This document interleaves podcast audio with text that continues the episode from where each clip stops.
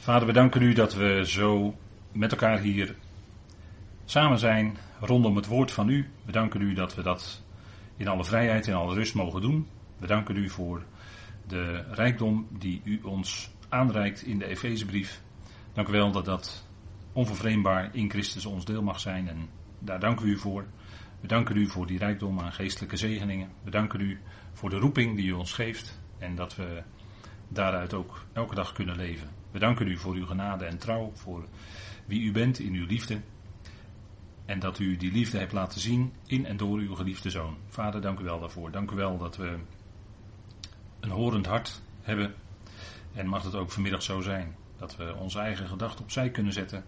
En kunnen luisteren naar uw woord. Onbevangen. En dank u wel, Vader, dat u woorden wijsheid wil geven. Leid u door uw geest in het spreken. En geef ons die geest van wijsheid en onthulling in de erkenning van u. Dat we mogen verstaan wat u te zeggen hebt. We danken u voor uw goedheid en genade. Voor dit moment wat u schenkt. En mag het zijn tot opbouw. Tot uw eer. Daar dank u voor, Vader, in de naam van uw geliefde Zoon. Amen.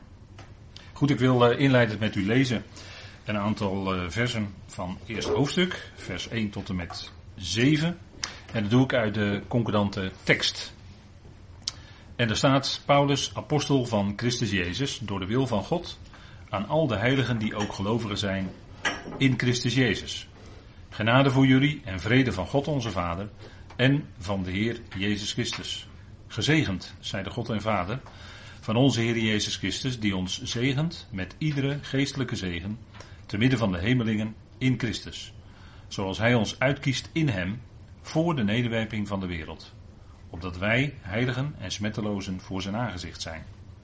In liefde ons tevoren bestemmend tot zoonschap, door Christus Jezus, voor zichzelf, in overeenstemming met het welbehagen van zijn wil. Tot lofprijs van de heerlijkheid van zijn genade, die ons begenadigt in de geliefde. In hem hebben wij de vrijkoping door zijn bloed, de vergeving van de krenkingen, in overeenstemming met de rijkdom van zijn genade. Tot zover deze versen uit eerste hoofdstuk. En ons onderwerp vandaag is uit, uitgekozen in Christus, zoals u dat ziet op de presentatie. Uitgekozen in Christus voor de nederwerping. Daar willen we vandaag bij stilstaan. Het eh, onderwerp uitkiezen is misschien voor mensen die een achtergrond hebben een beladen onderwerp, want die denken misschien aan het woord uitverkoren zijn. En dan klinkt daar allerlei leerregels in mee, zoals die uh, destijds zijn vastgesteld. Maar we gaan maar eens kijken wat de schrift zelf zegt over dit onderwerp. En dan gaan we eerst kijken naar wat zegt nu eigenlijk Tenach. Wat zegt nu eigenlijk wat uh, gebruikelijk is geworden het Oude Testament.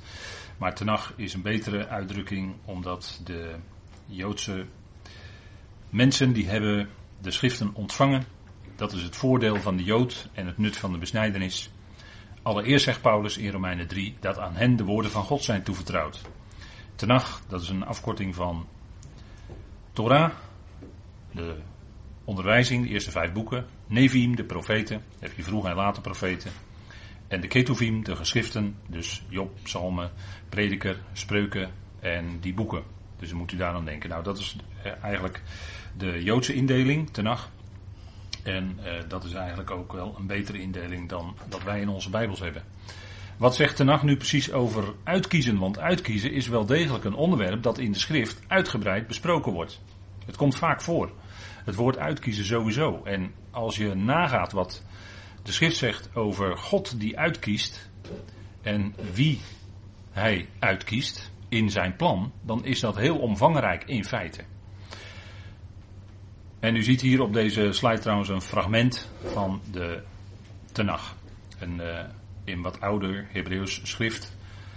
Een gedeelte, een heel kort stukje uit Tenach. Het uh, Hebreeuwse woord bagar betekent uitkiezen.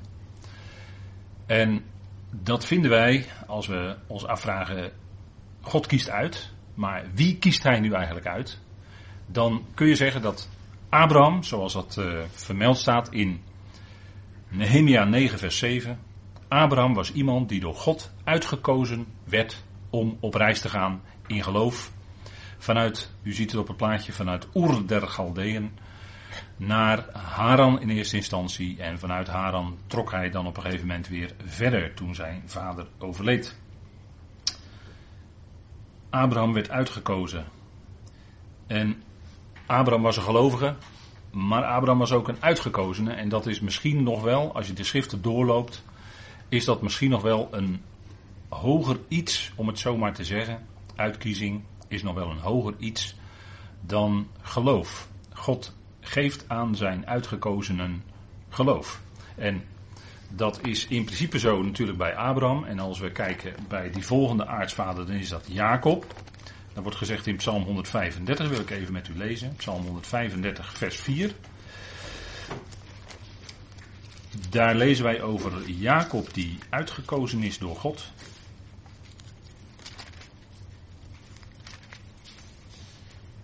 En dat zijn de zogenaamde Hallel-psalmen. Psalm 135, vers 4. En ik lees even vanaf vers 3. Loof de Heer, of looft Yahweh, want Yahweh is goed. Zing psalmen voor zijn naam, want die is lieflijk. Want Yahweh heeft zich Jacob uitgekozen, Israël als zijn persoonlijk eigendom, of als zijn persoonlijk bezit. Dus je ziet hier dat God Jacob heeft uitgekozen nadat hij Abraham ook uitkoos. Jacob is natuurlijk in principe de aartsvader, maar Jacob is ook een aanduiding voor het hele volk Israël bij gelegenheid. En je moet er eigenlijk op letten wanneer de naam Jacob wordt gebruikt en wanneer de naam Israël wordt gebruikt in de schrift. Dat is eh, wel belangrijk. Dat, doet, eh, dat staat natuurlijk echt iedere keer precies goed op zijn plek. Zo is ook een Aaron, dat is de eerste hoge priester, een uh, leviet. Aaron, dat is, uh, die wordt genoemd in Psalm 105, is ook uitgekozen om hoge priester te zijn. Aaron, de lichtbrenger. We hebben gezien hè, onlangs, de naam betekent lichtbrenger. Heeft in ieder geval met auer, auer het Hebreeuwse woord voor licht is auer, A-U-R. Licht, lichtdrager, en in Psalm 105, vers 26, wat verhaalt over de geschiedenis van Israël, staat daar in vers 26: Hij zond Mozes zijn dienaar en Aaron die hij uitgekozen had. Dus Aaron moest hoge priester zijn en dat was door God zo gekozen. God kiest en dat doet hij natuurlijk altijd met een bepaalde bedoeling.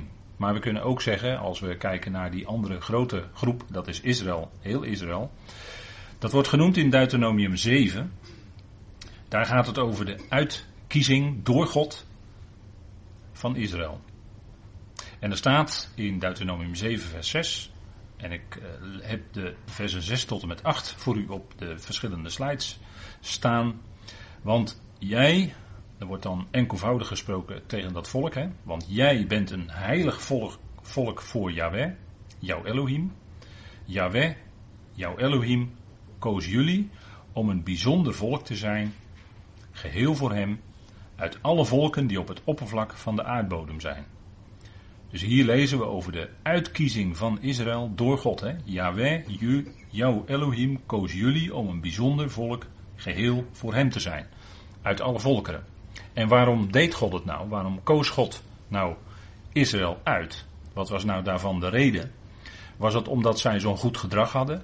Was het omdat zij uit zichzelf God dienden? Daar geeft dit stukje ook antwoord op. Hè? U ziet hier trouwens het plaatje van de Olijfberg met al die graven.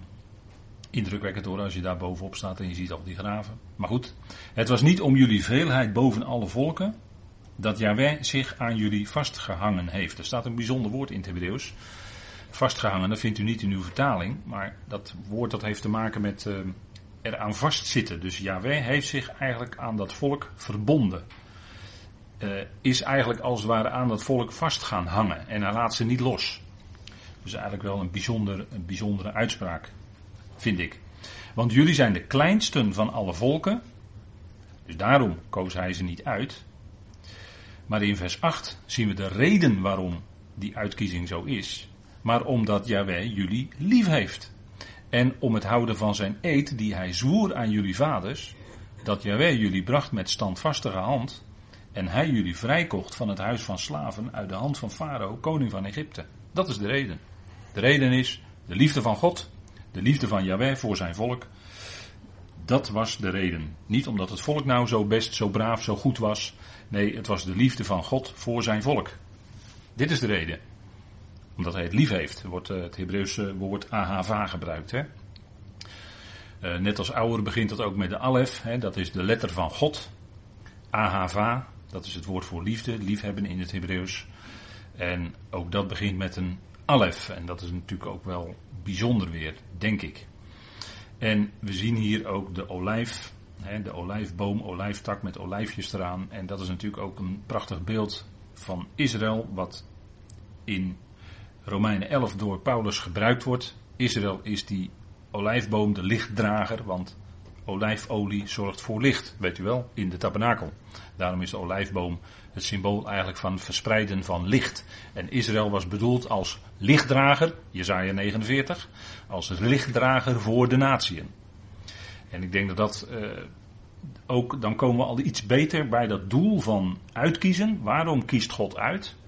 Dat is met een bepaalde intentie, met een bepaalde bedoeling. Het is geen doel op zichzelf, zoals in theologie, met de leerregels uit uh, Dort, meen ik, hè, tegen de remonstranten.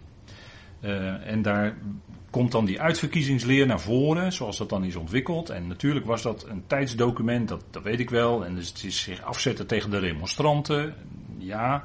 Maar wat erin naar voren komt, is dat, de, dat mensen dan uitverkoren worden in die leer. Hè? Mensen uitverkoren worden voor eeuwig wel, of voor eeuwig wee. Predestinatie. En dat is niet naar de schrift, want we ontdekken hier al dat God Israël uitkiest, niet als doel op zichzelf om voor eeuwig gered te zijn voor hem. Nee, om lichtdrager te zijn, dat is wat de profeet ook zegt. Om lichtdrager te zijn en om tot zegen te zijn voor andere volkeren. Dat is eigenlijk het doel van uitkiezen. En dat zullen we doorheen de schrift zien. En hier zien we dat de bron van het uitkiezen is de liefde van God. Dat is de basis. Dus het gaat niet om of iemand zich wel of niet goed gedraagt. Nee, het gaat om God die lief heeft en die om redenen die bij hem bekend zijn, zijn raadsbesluit, mensen en ook hier zelfs een heel volk uitkiest om tot zegenkanaal voor de anderen te zijn. En we zien hier een hoeveelheid schriftplaatsen waarin naar voren komt. En in al die schriftplaatsen wordt het woord bagar gebruikt, dus het woord voor uitkiezen. En hier zien we dan het volk Israël, een serie teksten waarin gezegd wordt dat Israël uitgekozen is. We hebben daarnet al Deuteronomium 7, vers 6 tot en met 8 gelezen. En we zien hier ook, en ik heb voor u ook dat op een rij gezet, als je een Hebreeuwse concordantie hebt kun je dat zo nagaan natuurlijk. Maar dan zien we ook dat God Jeruzalem, Jaweh, Jeruzalem als woning heeft uitgekozen om zijn naam daaraan te verbinden. Dat is dus Gods keuze. Het was eerst een stad Jebus, die door David werd veroverd. En toen David het veroverd had, werd die stad Jeruzalem. En dat werd de stad van waar Yahweh zijn naam aan verbonden heeft. En als we, we hebben een, een tekst gezien dat Israël als volk uitgekozen is, een heel wezenlijke uit uh, het boek Deuteronomium. Hè, dat, uh, dat bevat uh, natuurlijk de afscheidsreden van Mozes die om redenen eh, niet met het volk het land mocht binnentrekken. Dat mocht zijn opvolger Jozua wel doen. En we zien hier ook dat God getrouwen kiest. En die heb ik er even voor u uitgelicht. Nummer 16 vers 5. En dat is een bekend stukje. Bekend stukje. Dat is de zogenaamde oproer. En dan kunt u de naam al invullen. Hè? Korach, Datan en Abiram. We gaan maar even lezen wat daar precies staat. En ik lees u dan nummer 16 even vanaf vers 1. Dus dan zien we dat God ook binnen Israël iets doet, hè? iets specifieks doet. Korach nu, de zoon van Jischar, zoon van Kahat, zoon van Levi, nam zowel Datan en Abiram, zonen van Eliab, als On, de zoon van Pelet, nakomeling van Ruben, met zich mee. Dus het was niet alleen drie, maar het waren er eigenlijk vier. Hè? Het was ook On. Korach, Datan en Abiram en On gingen in opstand tegen Mozes. Zegt vers 2, hè, en um, Datan en Abiram en Korach, die worden later ook, uh, dit stukje wordt later uh, door Paulus ook nog aangehaald in 2 Timotheus 2. 2 Timotheus 2, daar wil ik er even bij vermelden. Uh, omdat Paulus daar zegt, Paulus zegt daar in 2 Timotheus 2, en dan gaat het natuurlijk over Hymenaeus en uh, weet u wel, Hymenaeus en Philetus, die leerden dat opstaan in een verkeerd moment enzovoort. Dat waren medebroeders, maar ze leerden wel andere dingen. En dan uh, haalt Paulus in verband daarmee haalt hij aan dat de Heer kent degene die van hem zijn. En dat heeft hiermee te maken. Dat haalt, ontleent Paulus dan, die uitspraak hier aan nummer 16. Ze kwamen in de opstand tegen Mozes, vers 2, samen met 250 mannen uit de Israëlieten. Of uit, als u Israëlieten leest in Tenach, is het vrijwel altijd de zonen van Israël. Ik vind het jammer dat men daarin de, de uh, Septuagint heeft gevolgd, de Griekse vertaling van Tenach, waarin het woord Israëlitos dan wordt gebruikt in het Grieks. Maar in de Hebreeuwse tekst staat bij Israëlieten vrijwel altijd de zonen van Israël. En dat vind ik duidelijker, dat vind ik specifieker. Leiders van de gemeenschap, afgevaardigden naar de vergadering, mannen van naam. Kijk, God had Mozes aangesteld met Aaron. En die moesten dat volk dan tot die hebben dan tot op dat moment eh, dat volk geleid door, door de woestijn. En toen kwam er opstand. Toen waren er anderen die meenden het beter te doen dan Mozes. Het punt is dat God had Mozes en Aaron aangesteld. Hè? En daar kwam men tegen in opstand. Zij kwamen vanwege Mozes en vanwege Aaron bijeen en zeiden tegen hen: Jullie trekken te veel naar je toe, want heel de gemeenschap, allen zijn ze heilig en de Heer is in uw midden. Waarom verheft u zich dan boven de gemeente van de Heer? Toen Mozes dat hoorde, wierp hij zich met zijn gezicht ter aarde. En hij sprak tot Koran, Korach en tot heel diens aanhang. Morgenochtend zal Jaweh bekendmaken wie van hem is. En wie de heilige is die hij in zijn nabijheid zal laten komen. Wie hij kiest, zal hij in zijn nabijheid laten komen. Dus we zien weer, weer dat woord kiezen. Met deze opstand. En Mozes die bidt en die zegt dan. De Heer zal kiezen wie hij in zijn nabijheid zal laten komen. En die anderen, we weten hoe het met hen afliep. En uh, dat woord nabijheid, dat, dat is ook. Uh, in, uh, dat is het woord korban. U kent dat wel, hè? Heeft te maken met het woord korban. Keref, dat is echt in nabijheid komen van. En korban was dan een naderingsgeschenk wat de Israëliet kon brengen. Hè, om in nabijheid van Jaweh te kunnen komen. En hier maakt Jaweh duidelijk dat die groep die niet accepteerde dat Mozes en Aaron de leiders waren van het volk, hè, dat Mozes dat volk leidde door de woestijn, die groep die zou niet in de nabijheid van Jaweh meer kunnen komen, maar die zou hij eigenlijk ja, uh, afwijzen, omdat het punt is dat de Heer had die keuze gemaakt voor Mozes, die was leider van het volk. En het volk, die hadden allemaal argumenten. Ja, wij zijn ook heiligen. Wij, zijn, wij horen ook bij dat volk. Dus wij kunnen ook wel wat zeggen. Wij, kunnen ook, hè, wij hebben ook inzicht enzovoort. Het punt is dat, dat bij God gaat dat niet zo. Hè?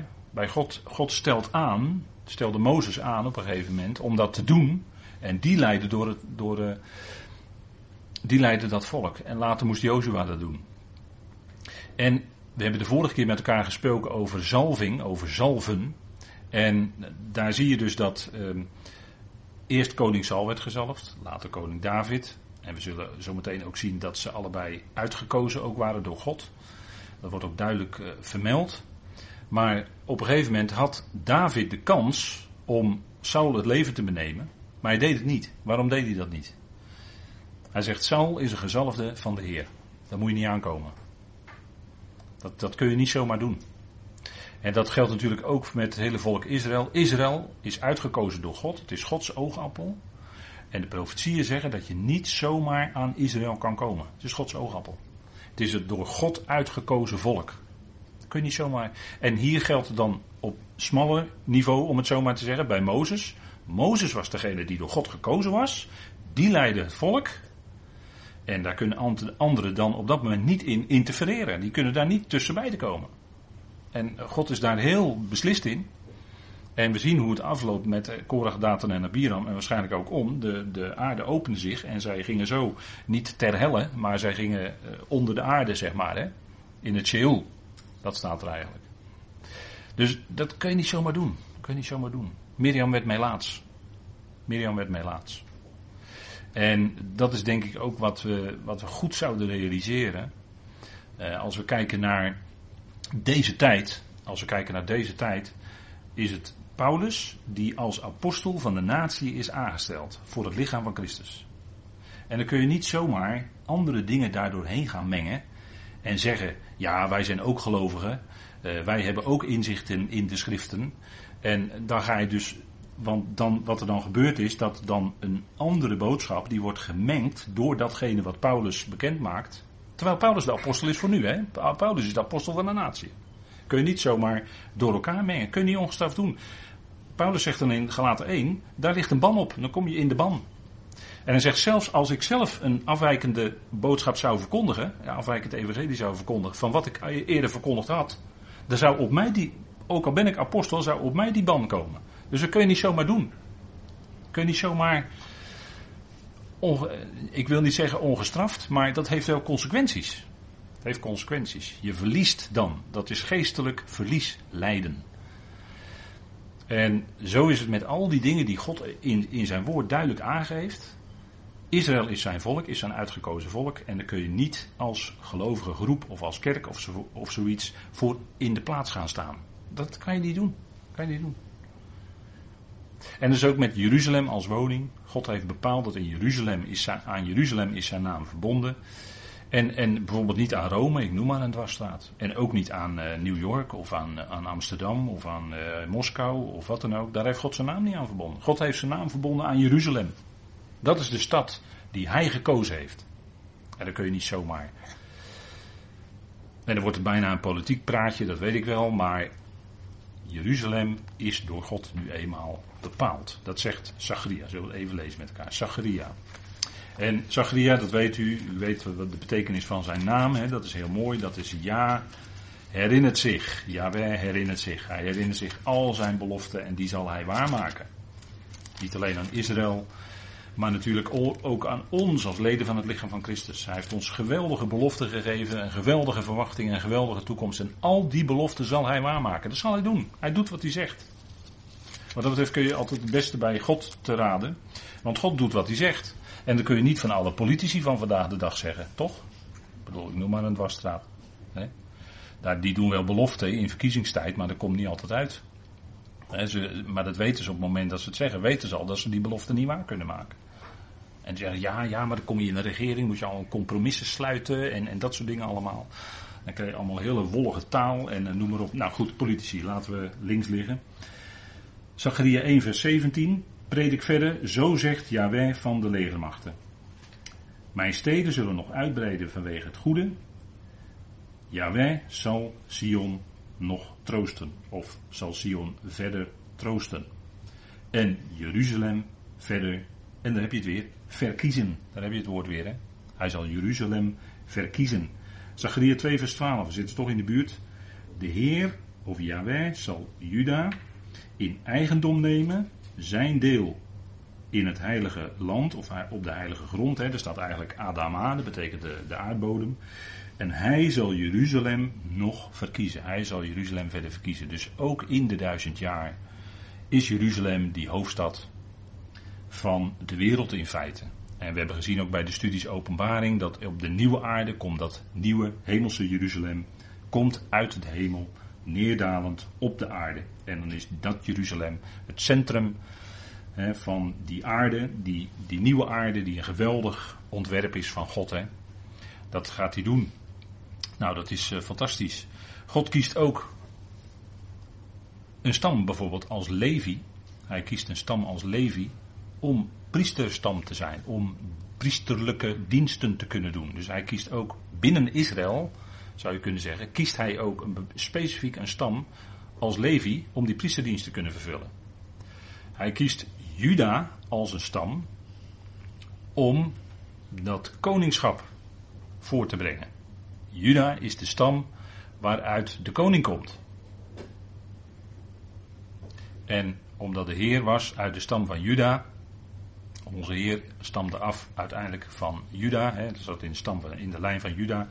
En daarom kon de Heer geen priester zijn. Want hij was niet uit, afkomstig uit de stam Levi, hè, zegt de Hebreeënbrief. Maar hij is hoger, hij is priesterkoning. Straks naar de ordening van Melchizedek, dat is een hogere orde dan de orde van Levi. En dan zal hij koning en priester zijn. En Eli, de hoge priester, ziet u ook staan. Eli was als hoge priester ook uitgekozen door God. 1 Samuel 2 vers 28. En die, die wordt altijd, uh, ja, daarvan zegt men dan in de commentaren, dat was een beetje een slap figuur. Want uh, Hofni en Pinas die, uh, die leefden er maar wat op los en hij zei er niks van. Maar niettemin was hij toch 40 jaar lang hoogpriester. Of 41 jaar geloof ik, als ik het goed zeg. En er wordt van hem gezegd: Ik heb hem uit al de stammen van Israël voor mij tot priester uitgekozen. om op mijn altaar te offeren, het reukwerk in rook te doen opgaan. en de efot voor mijn aangezicht te dragen. En ik heb aan het huis van uw vader al de vuuroffers van de, van de zonen van Israël gegeven. Dus dit zegt God van Eli. Eli is de hoge priester. Hij droeg de efot. En de efot uh, is de plaat die, die de hoge priester droeg. En dat mocht ook alleen maar de hoge priester doen. En de hoge priester heeft natuurlijk ook het voorrecht om één keer per jaar in te gaan in het heilige der heiligen. Met het bloed van die ene bok, weet u wel. En die andere bok die gaat dan de woestijn in. Nou, prachtige beelden zijn dat. Maar dat was voorbehouden alleen aan de hoge priester. Die mocht één keer per jaar in het heilige der heiligen komen. En de hoge priester is natuurlijk op zichzelf altijd een type van onze Heer. Die later hoge priester naar die ordening was, een hogere ordening. Hè? We zien hier dat God een koning kiest, wordt in Deuteronomium 17 al gezegd, met een aantal voorwaarden erbij. En we zien in de geschiedenis, als je Deuteronomium 17 leest, wat er van een koning gezegd wordt, dat de koning van Israël dat eigenlijk systematisch hebben overtreden wat God daarvan tevoren zei. Nou, zoals gezegd, Saul en David heb ik daarnet al even genoemd in verband met de zalving. Maar die zijn ook uitgekozen door God om koning te zijn over Israël. En beide zijn natuurlijk op zichzelf weer heenwijzingen naar. Saul wordt in diverse opties, eh, diverse opzichten ook gezien als een type van de komende antichrist. En natuurlijk is de hele geschiedenis van David en Goliath uh, wijst daar in feite natuurlijk ook naar. En ook uh, bijzonder is toch wel dat ook nu in Israël is er alweer een hoge priester. Er is een Sanhedrin wat de dingen bepaalt. In feite op uh, godsdienstig gebied. En er is ook een hoge priester. Alle tempelgerij is gereed. Dus men kan zo die tempel gaan opbouwen en de offerdienst gaan hervatten. En die offerdienst, zoals u weet, die zal stopgezet worden op een zeker moment hè, in, de, in de profetie. In de nabije toekomst, als u het mij vraagt. Uh, misschien kunnen we even lezen in Psalm 78. Psalm 78. Daarin wordt van diversen gezegd. Uh, Juda wordt genoemd. En Psalm 78 komen we dan nog wel een keer tegen. Dat is een uh, psalm van Asaf. Asaf is de verzamelaar, hè, dat betekent zijn naam. Hij die verzamelt of hij die toevoegt. Hij heeft verband met de naam Jozef. Een psalm van Asaf. En we lezen daar dat Juda als stam is uitgekozen door God in vers 68. Want ik denk dat u misschien niet elke dag Psalm 78 leest. Maar hij verkoos de stam Juda, de berg Sion, die hij lief had. En Sion, dat is dan verbonden met het heiligdom. Hè? Hij bouwde zijn heiligdom als hoogten, als de aarde die hij niet voor eeuwig, want de aarde zal eens vergaan, dus dit klopt niet als het er zo staat, die hij voor de Olaam of voor de Aion, mag je dan in het Grieks ook zeggen, voor de Olaam grondvesten. Hij heeft de aarde gegrondvest. En elders staat er ook dat de aarde vast staat. Ik geef het u maar mee, zo spreekt de schrift erover. Hij verkoos, vers 70, zijn dienaar David. En hij haalde hem bij de schaapskooien vandaan. David, die goed op de schapen paste. En dat was ook het beeld van een goede koning. Een goede koning zou ook een herder zijn voor zijn volk. En David bleek in de praktijk een goede herder te zijn, want hij beschermde zijn kudde tegen leeuw en beer. En wij zien altijd leeuw en beer op de weg natuurlijk, dat weet u wel. maar ehm, als we die God mogen kennen, die David lief had, en dat is dan in dubbel opzicht, David had God lief en God had David lief, want het was een man naar zijn hart. En God, in verband met David, staat er ook dat de mens ziet aan wat voor ogen is, maar de Heer ziet het hart aan. Wij kijken tegen elkaars buitenkant aan, maar de Heer kent je hart. En ik denk dat dat een hele goede zaak is. Dat de Heer je hart kent. Hij weet wat erin omgaat, als geen ander. En voordat je bidt, weet hij al wat je gaat zeggen. Natuurlijk. Maar toch wil die gebeden zijn. Waarom? Omdat God je lief heeft. En omdat God die liefde wil maar één ding, dat die liefde wederkerig is. Dus dat wij die liefde van God beantwoorden in gebed, in dank. En misschien in de loop van de tijd steeds meer in dank en steeds minder in gebed. Dat zou best kunnen. Dat je God ook van tevoren kunt danken voor hoe Hij het in de toekomst, in de nabije toekomst, in de dag van morgen, in de komende uren, in jouw leven gaat doen. Daar kun je God al tevoren voor danken. En het wordt misschien wat moeilijker, want dat lijkt nog een beetje abstract, hè? misschien als ik het zo zeg. Maar het wordt misschien wat moeilijker als we dat wat concreter gaan invullen. Dat we God kunnen danken voor al die medegelovigen die we ontmoeten in ons geloofsleven. Die mede-gemeenteleden waarmee we optrekken. Gemeente bedoel ik dan wereldwijd, heel breed. Al die gemeenteleden die we dan her en der zo ontmoeten, kunnen we ook God voor danken. als we anderen ontmoeten die ook geloven in Jezus Christus als hun persoonlijke redder, echt geloven met het hart, en dat merk je heel snel hoor.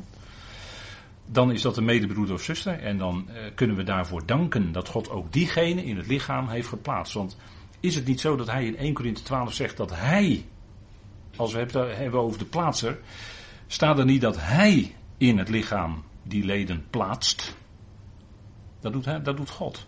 Leest u maar 1 Corinthië 12, die eerste versen, daar staat dat allemaal. Hij plaatst ze. Ik denk dat dat een belangrijk punt is. Hè? Dat heeft alles ook te maken met uitkiezen. God kiest uit, en dat doet hij van tevoren. En hij plaatst vervolgens in de tijd, concreet, hè, dan wordt het concreet, plaatst hij al die leden die hij tevoren gekozen heeft in dat lichaam van Christus. En die leden dan trekken dan met elkaar op. En is het zo fijn als je bewust bent dat die eenheid van de geest er is en dat wij die mogen uitleven. Die hoeven wij gelukkig niet te bewerken. Gelukkig niet zeg.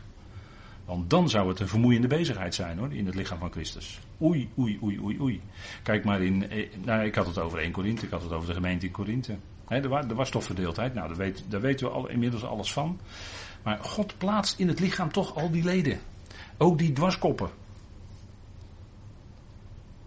En dan wordt het wel lastiger als je dat tegenkomt, om daar ook voor te danken dat dat medeleden zijn. Medeleden. En ik denk dat dat hè, het, geheim, het geheim is. Heb je moeite met iemand, ga voor diegene bidden. En dan verander jij. Dat is het geheim. En zo is het ook bij uh, Saul. Kijk, David, het was niet de keuze, want ze waren verbaasd toen, uh, de profeet Samuel duidelijk maakte: nee, uh, is er niet nog eentje? Ja, er is er nog eentje daar bij die schapen. Laat die maar komen. En dat was nou precies Gods keuze. David, de geliefde. Die kwam als geweldig type heenwijzing naar de Messias. Als de gezalfde. En David was een man naar Gods hart. Hij paste op de kudde. Hij was een goede herder voor zijn volk. En dat werd later natuurlijk ook bestreden met Absalom enzovoort. Hè. Dat is altijd zo. Gods keuze. De, de, God kiest voor David. En die keuze die wordt altijd in de loop van de tijd bestreden door anderen. Dat zagen we dus bij Mozes. En dat zien we ook bij het hele volk Israël als geheel. De keuze van God wordt bestreden. De omringende landen, die willen het liefst Israël, die Joodse staat, willen ze liefst wegvagen en al die Joden in de zee. Maar het is Gods keuze. En God heeft bepaald in de profetie dat daar de Joodse staat zou zijn. Die is daar nu en die gaat niet meer weg. Die blijft. Dat is in ieder geval een ding wat zeker is, hè, als je die profetie bestudeert. En dan zal natuurlijk in de eindtijd zal de wetteloze nog in staat zijn om hen te overwinnen. Hij zal oorlog tegen hen voeren, staat in de openbaring. En hij zal hen kunnen overwinnen, hè, staat, staat ook in Daniel 7. En Dat is omdat het hem gegeven wordt om dat te kunnen doen. Om die oorlog te voeren en vervolgens ook die heiligen te kunnen overwinnen. Maar dan zal de Messias komen, waar David een type van was, Jezus Christus zelf. Die uit de lijn van David komt, uit de koningslijn.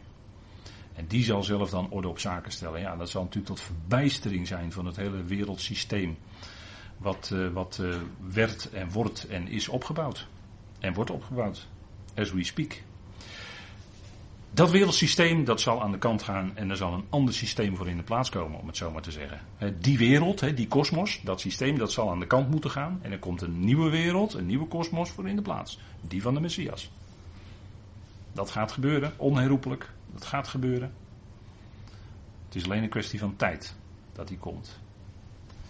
Goed, als we kijken naar het laatste uit de nacht, de uitgekozene, dat is het uh, zelfstandig naamwoord zou je kunnen zeggen. Dat is de bagier, dan zit er een jotje in. En dan is het bagier. En u ziet hier een rijtje van alle vindplaatsen waar dat woord voorkomt. En we zien in, u ziet in één oogopslag dat het gaat om Israël, Saul, David en Jezaja 42 vers 1. Dat is de Messias. En dat wil ik even met u lezen. De rest is duidelijk, maar Jezaja 42, bekende profetie, die ook door Matthäus wordt geciteerd bijvoorbeeld. En dat is in het uh, zogenaamde troostboek van Jezaja, het troostboek van Jezaja, de hoofdstukken 40 tot en met 55. Daarin, dat begint geweldig hè, met Nagam, Nagam, Israël. Troost, troost mijn volk. Dat komt ook na de druk. Na de grote verdrukking zal dit klinken vanuit Jezaja. Troost, troost mijn volk. Dus ook prachtig op muziek gezet. Echt schitterend, mag ik graag naar luisteren. En hier zien we in Jezaja 42, zie mijn knecht. En dan staat er in het Hebreeuws, zie, dan, word je opmerkzaam gemaakt. Kijk, sper je ogen open. Mijn knecht, mijn obed, die ik ondersteun. Mijn uitverkorene, daar heb je hem, mijn uitgekozene, met een hoofdletter hier terecht in de herziene statenvertaling gezet. Mijn uitgekozene, mijn ziel heeft een welbehagen in hem. En waren dat niet de woorden die klonken bij zijn doop in de Jordaan? Deze is mijn zoon de geliefde. In hem heb ik mijn welbehagen. Waren die de woorden die klonken toen hij verheerlijkt werd op de berg met Mozes en Elia? Toen klonk er een stem uit die wolk op de berg. Deze is mijn zoon, de geliefde. In hem heb ik mijn welbehagen. Dan hoor je de woorden van Jezaja. Hoor je deze woorden uit Jezaja 42. En natuurlijk beeldspraak hè, over God, mijn ziel. God, God heeft geen ziel, God is geen ziel, God is geest. Maar dus beeldspraak, hè, mensvormig over God gesproken. Die uitverkorene, de uitverkorene, der uitverkorenen zou ik willen zeggen. Dat is de Messias. Dat is Jezus Christus. Mijn ziel heeft in hem een welbehagen. En de Christus, de Christus is het onderwerp, die uitgekozen is het onderwerp van de schrift. Hij staat centraal. Dat hebben we de vorige studie ook met elkaar gezien, hè? als de gezalfde. Staat ook, ik heb mijn geest op hem gelegd. Hij zal de natieën, hij zal tot de natieën het recht doen uitgaan. En wat is dat hier de geweldige belofte? Ook voor de natieën, dat hij zal dat rechtzetten wat nu krom is.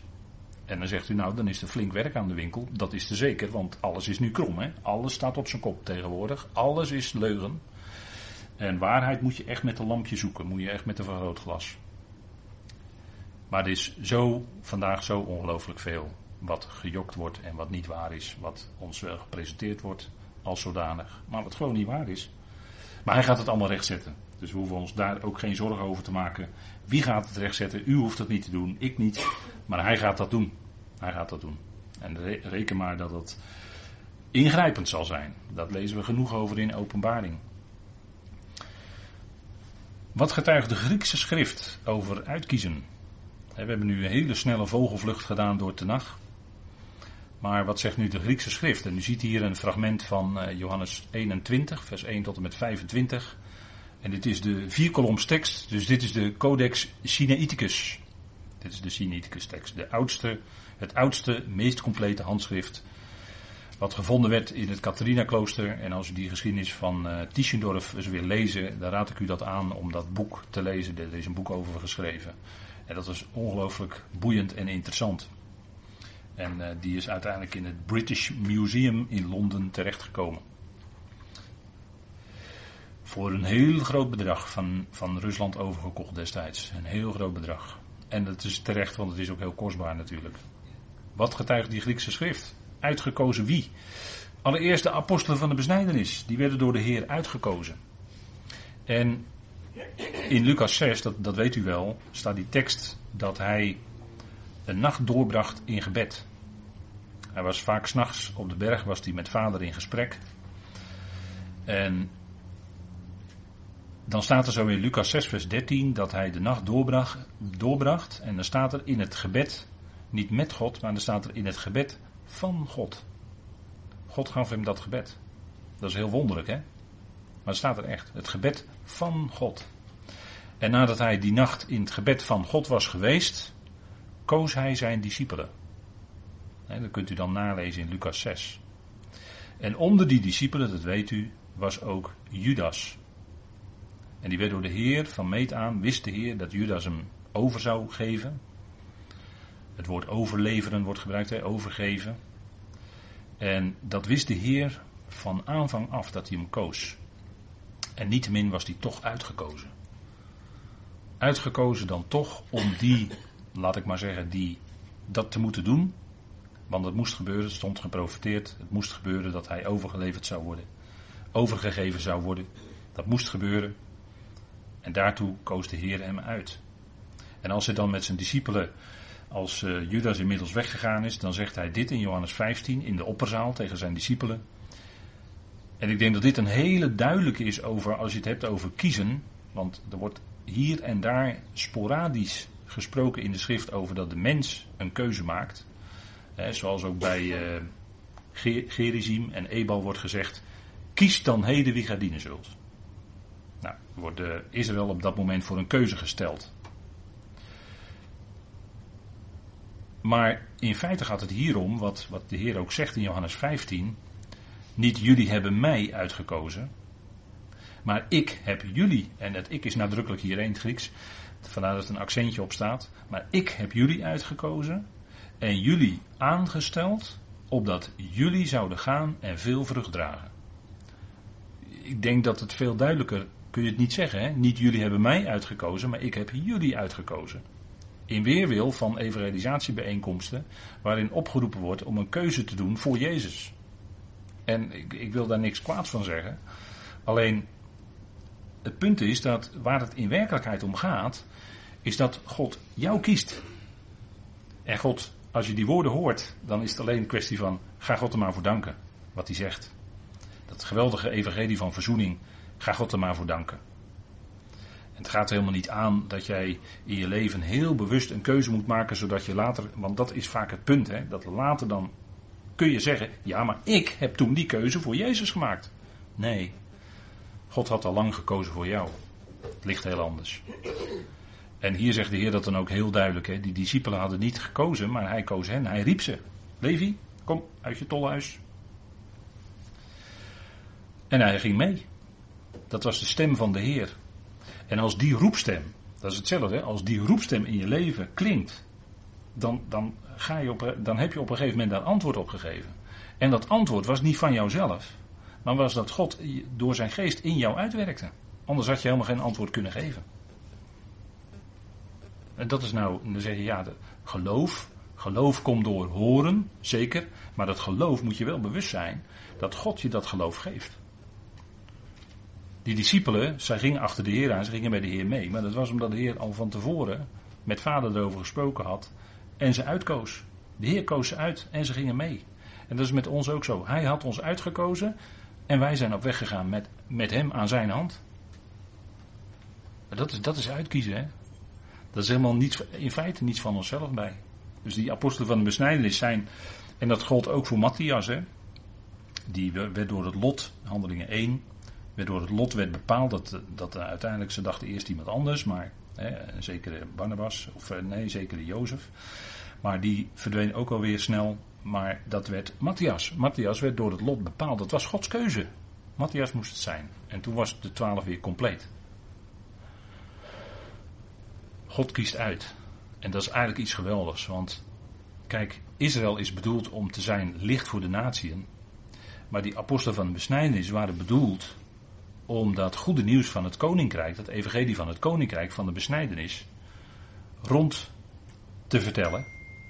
En dat er zo mensen van Israël geroepen konden worden. Dus ook die twaalf, die waren geroepen om voor anderen, om voor anderen er te zijn en voor aan anderen dat uit te delen. Dus uh, je zou in zekere zin kunnen zeggen tot begunstiging van anderen. Daarvoor waren ze uitgekozen. En dat is ook wat, waarom, de reden waarom God uitkiest. Hè? Een van de redenen. Kijk, in Israël als volk hebben we al gezien hè, in Tenach. Luid en duidelijk wordt daar vastgesteld dat Israël als volk is uitgekozen door God. Dat is nooit veranderd.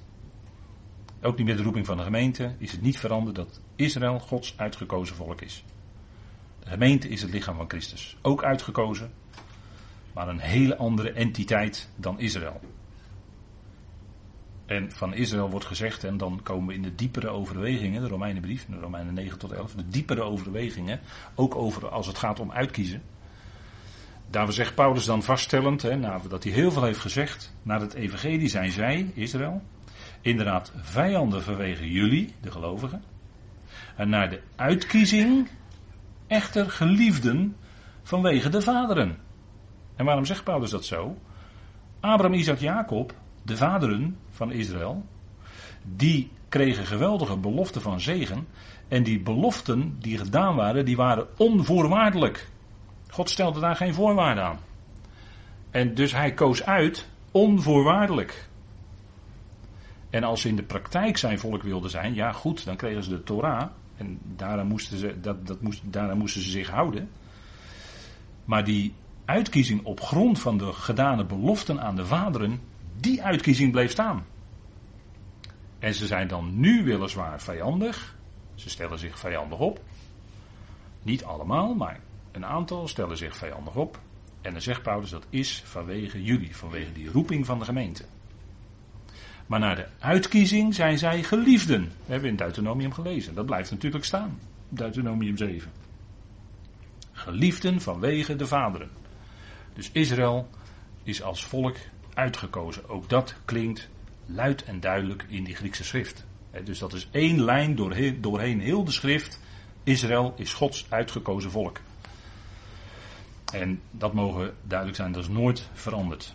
Dat is nooit veranderd. En dan hebben we nog een uitkiezing binnen Israël. Binnen Israël. En dan we even iets zeggen over de Matthäus 22 en dan gaan we even met elkaar pauzeren. Matthäus 22, u kent dat wel hè, die, uh, ja er staat dan in uw vertaling boven het koninklijke bruiloftsmaal. En daar wordt dan die wat enigmatische uitspraak gedaan. Velen zijn geroepen, maar weinigen uitgekozen. En dat heeft ook bij heel veel christenen, sinds de Dordtse leerregels om het zo maar te zeggen, geleid tot, ja, dat ze zeiden van, ja, we zitten wel met z'n allen in de kerk, maar velen zijn geroepen, maar weinigen uitgekozen. Dus we moeten maar, we, we, proberen zo goed mogelijk te leven volgens de wet. We gaan elke zondag twee keer naar de kerk. En dan hopen we maar dat we uiteindelijk ook uitgekozen zijn. Dat, is dat heeft de uitverkiezingsleer bewerkt hè, bij de mensen. Of herkent u niet wat ik nu zeg? Ik denk wel dat het bij velen zo heeft gewerkt. En dan werd deze tekst er ook bij gezegd. Ja, velen zijn geroepen, maar weinigen uitgekozen. Maar als je nou Matthäus 22 leest, dat stukje over het koninklijke bruiloftsmaal. Dan zie je dat de Heer ze uitzendt. Hè, daar hebben Ellie en Rick het ook over gezongen. Ga naar de straten en wegen enzovoort. En nodigt ze allemaal uit. Maar in feite vertelt de Heer dat. Vertelt de Heer daar de geschiedenis. Hoe het gaat met zijn eigen volk bruiloftsmaal. En als je dat stukje leest wat de Heer vertelt, het is een gelijkenis, hè, dan ontbreekt de bruid. Er is geen bruid in dat stukje. Maar ze gingen uit om te roepen en dan vertelde de Heer dat ze drie keer uitgingen. En dan geef ik het u even snel mee. De eerste keer was dat zijn discipelen erop uitgingen. De 70 weet u wel, of de eerste 12 en de 70. Matthäus 10 bijvoorbeeld. En dat was geen succes, om het zo maar te zeggen. Ze troffen harde bodem aan. Dan in handelingen, hè, dan gaan ze nog een keer uit, en dat is eigenlijk wat je ziet in handelingen. Dan gaat dat evangelie van het koninkrijk nog een keer uit onder dat volk, zelfs tot het uiterste van het land. En opnieuw wijzen ze het af. En dan uiteindelijk, en dat is dan de laatste verkondiging van het koninkrijk, en dat is nog nabije toekomst. Dan gaat het evangelie van het koninkrijk opnieuw uit. En dan zullen er zijn die zullen deel hebben aan dat bruiloftsmaal. En dat is dan in de duizend jaar. Waarvan er eentje, waarvan er eentje tussen zit waarvan de heer zegt: hé, hey, jij hebt geen goede kleding aan. Dus dat heeft met je rechtvaardige daden te maken, met de openbaring ook gezien. De rechtvaardige daden, die witte klederen, hadden waarschijnlijk niet voldoende werken, niet voldoende volhard. En alsnog vertrekken jij uit die zaal. Dat is eigenlijk waar dit stukje van de bruiloftsmaal over gaat. Heeft helemaal te maken met Israël. Met de roepingen uit Israël. En dan geldt, bij Israël geldt, velen zijn geroepen. Ja, heel dat volk werd geroepen. Maar weinigen bleken uiteindelijk echt uitgekozen te zijn. Niet iedereen geloofde, niet iedereen had geloof plus werken, zoals Jacobus dat zegt. Dat is dus een uitverkiezing binnen het uitverkoren volk Israël. Dus een uitkiezing binnen het uitgekozen volk. En dat zegt Petrus ook, daarom broeders, beijvert je veel eer, opdat door uitstekende werken jullie roeping en uitkiezing bevestigd zal zijn. Want deze dingen doende, zouden jullie in geen geval ooit struikelen. Dus volgens Petrus moet men wel die roeping en uitkiezing bevestigen door uitstekende werken te doen. Het moet wel blijken uit je werken.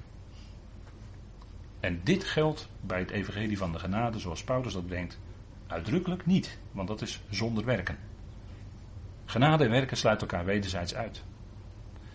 Gered, dan ben je verzegeld, dan ben je uitgekozen. En dan ga je met de bazuin mee. Hoe dan ook. Onafhankelijk van hoeveel jij wel of niet gewerkt hebt. Of het nou uitstekend was of niet. Het zij goed, het zij slecht. Dat woord zou je daar kunnen vertalen met slecht. 2 Korinthe 5. Het zij goed, het zij slecht, maar dat zal dan door de Heer wel beoordeeld worden bij de Bema. Maar dat is na de bazuin. Dan zijn we er allemaal al. En dat is uh, onafhankelijk van onze werken. En dat is nou echt genade. Onverdiend dus. Alleen maar gunst van God. Dat geldt voor ons als uitgekozen. Goed, we gaan even met elkaar pauzeren.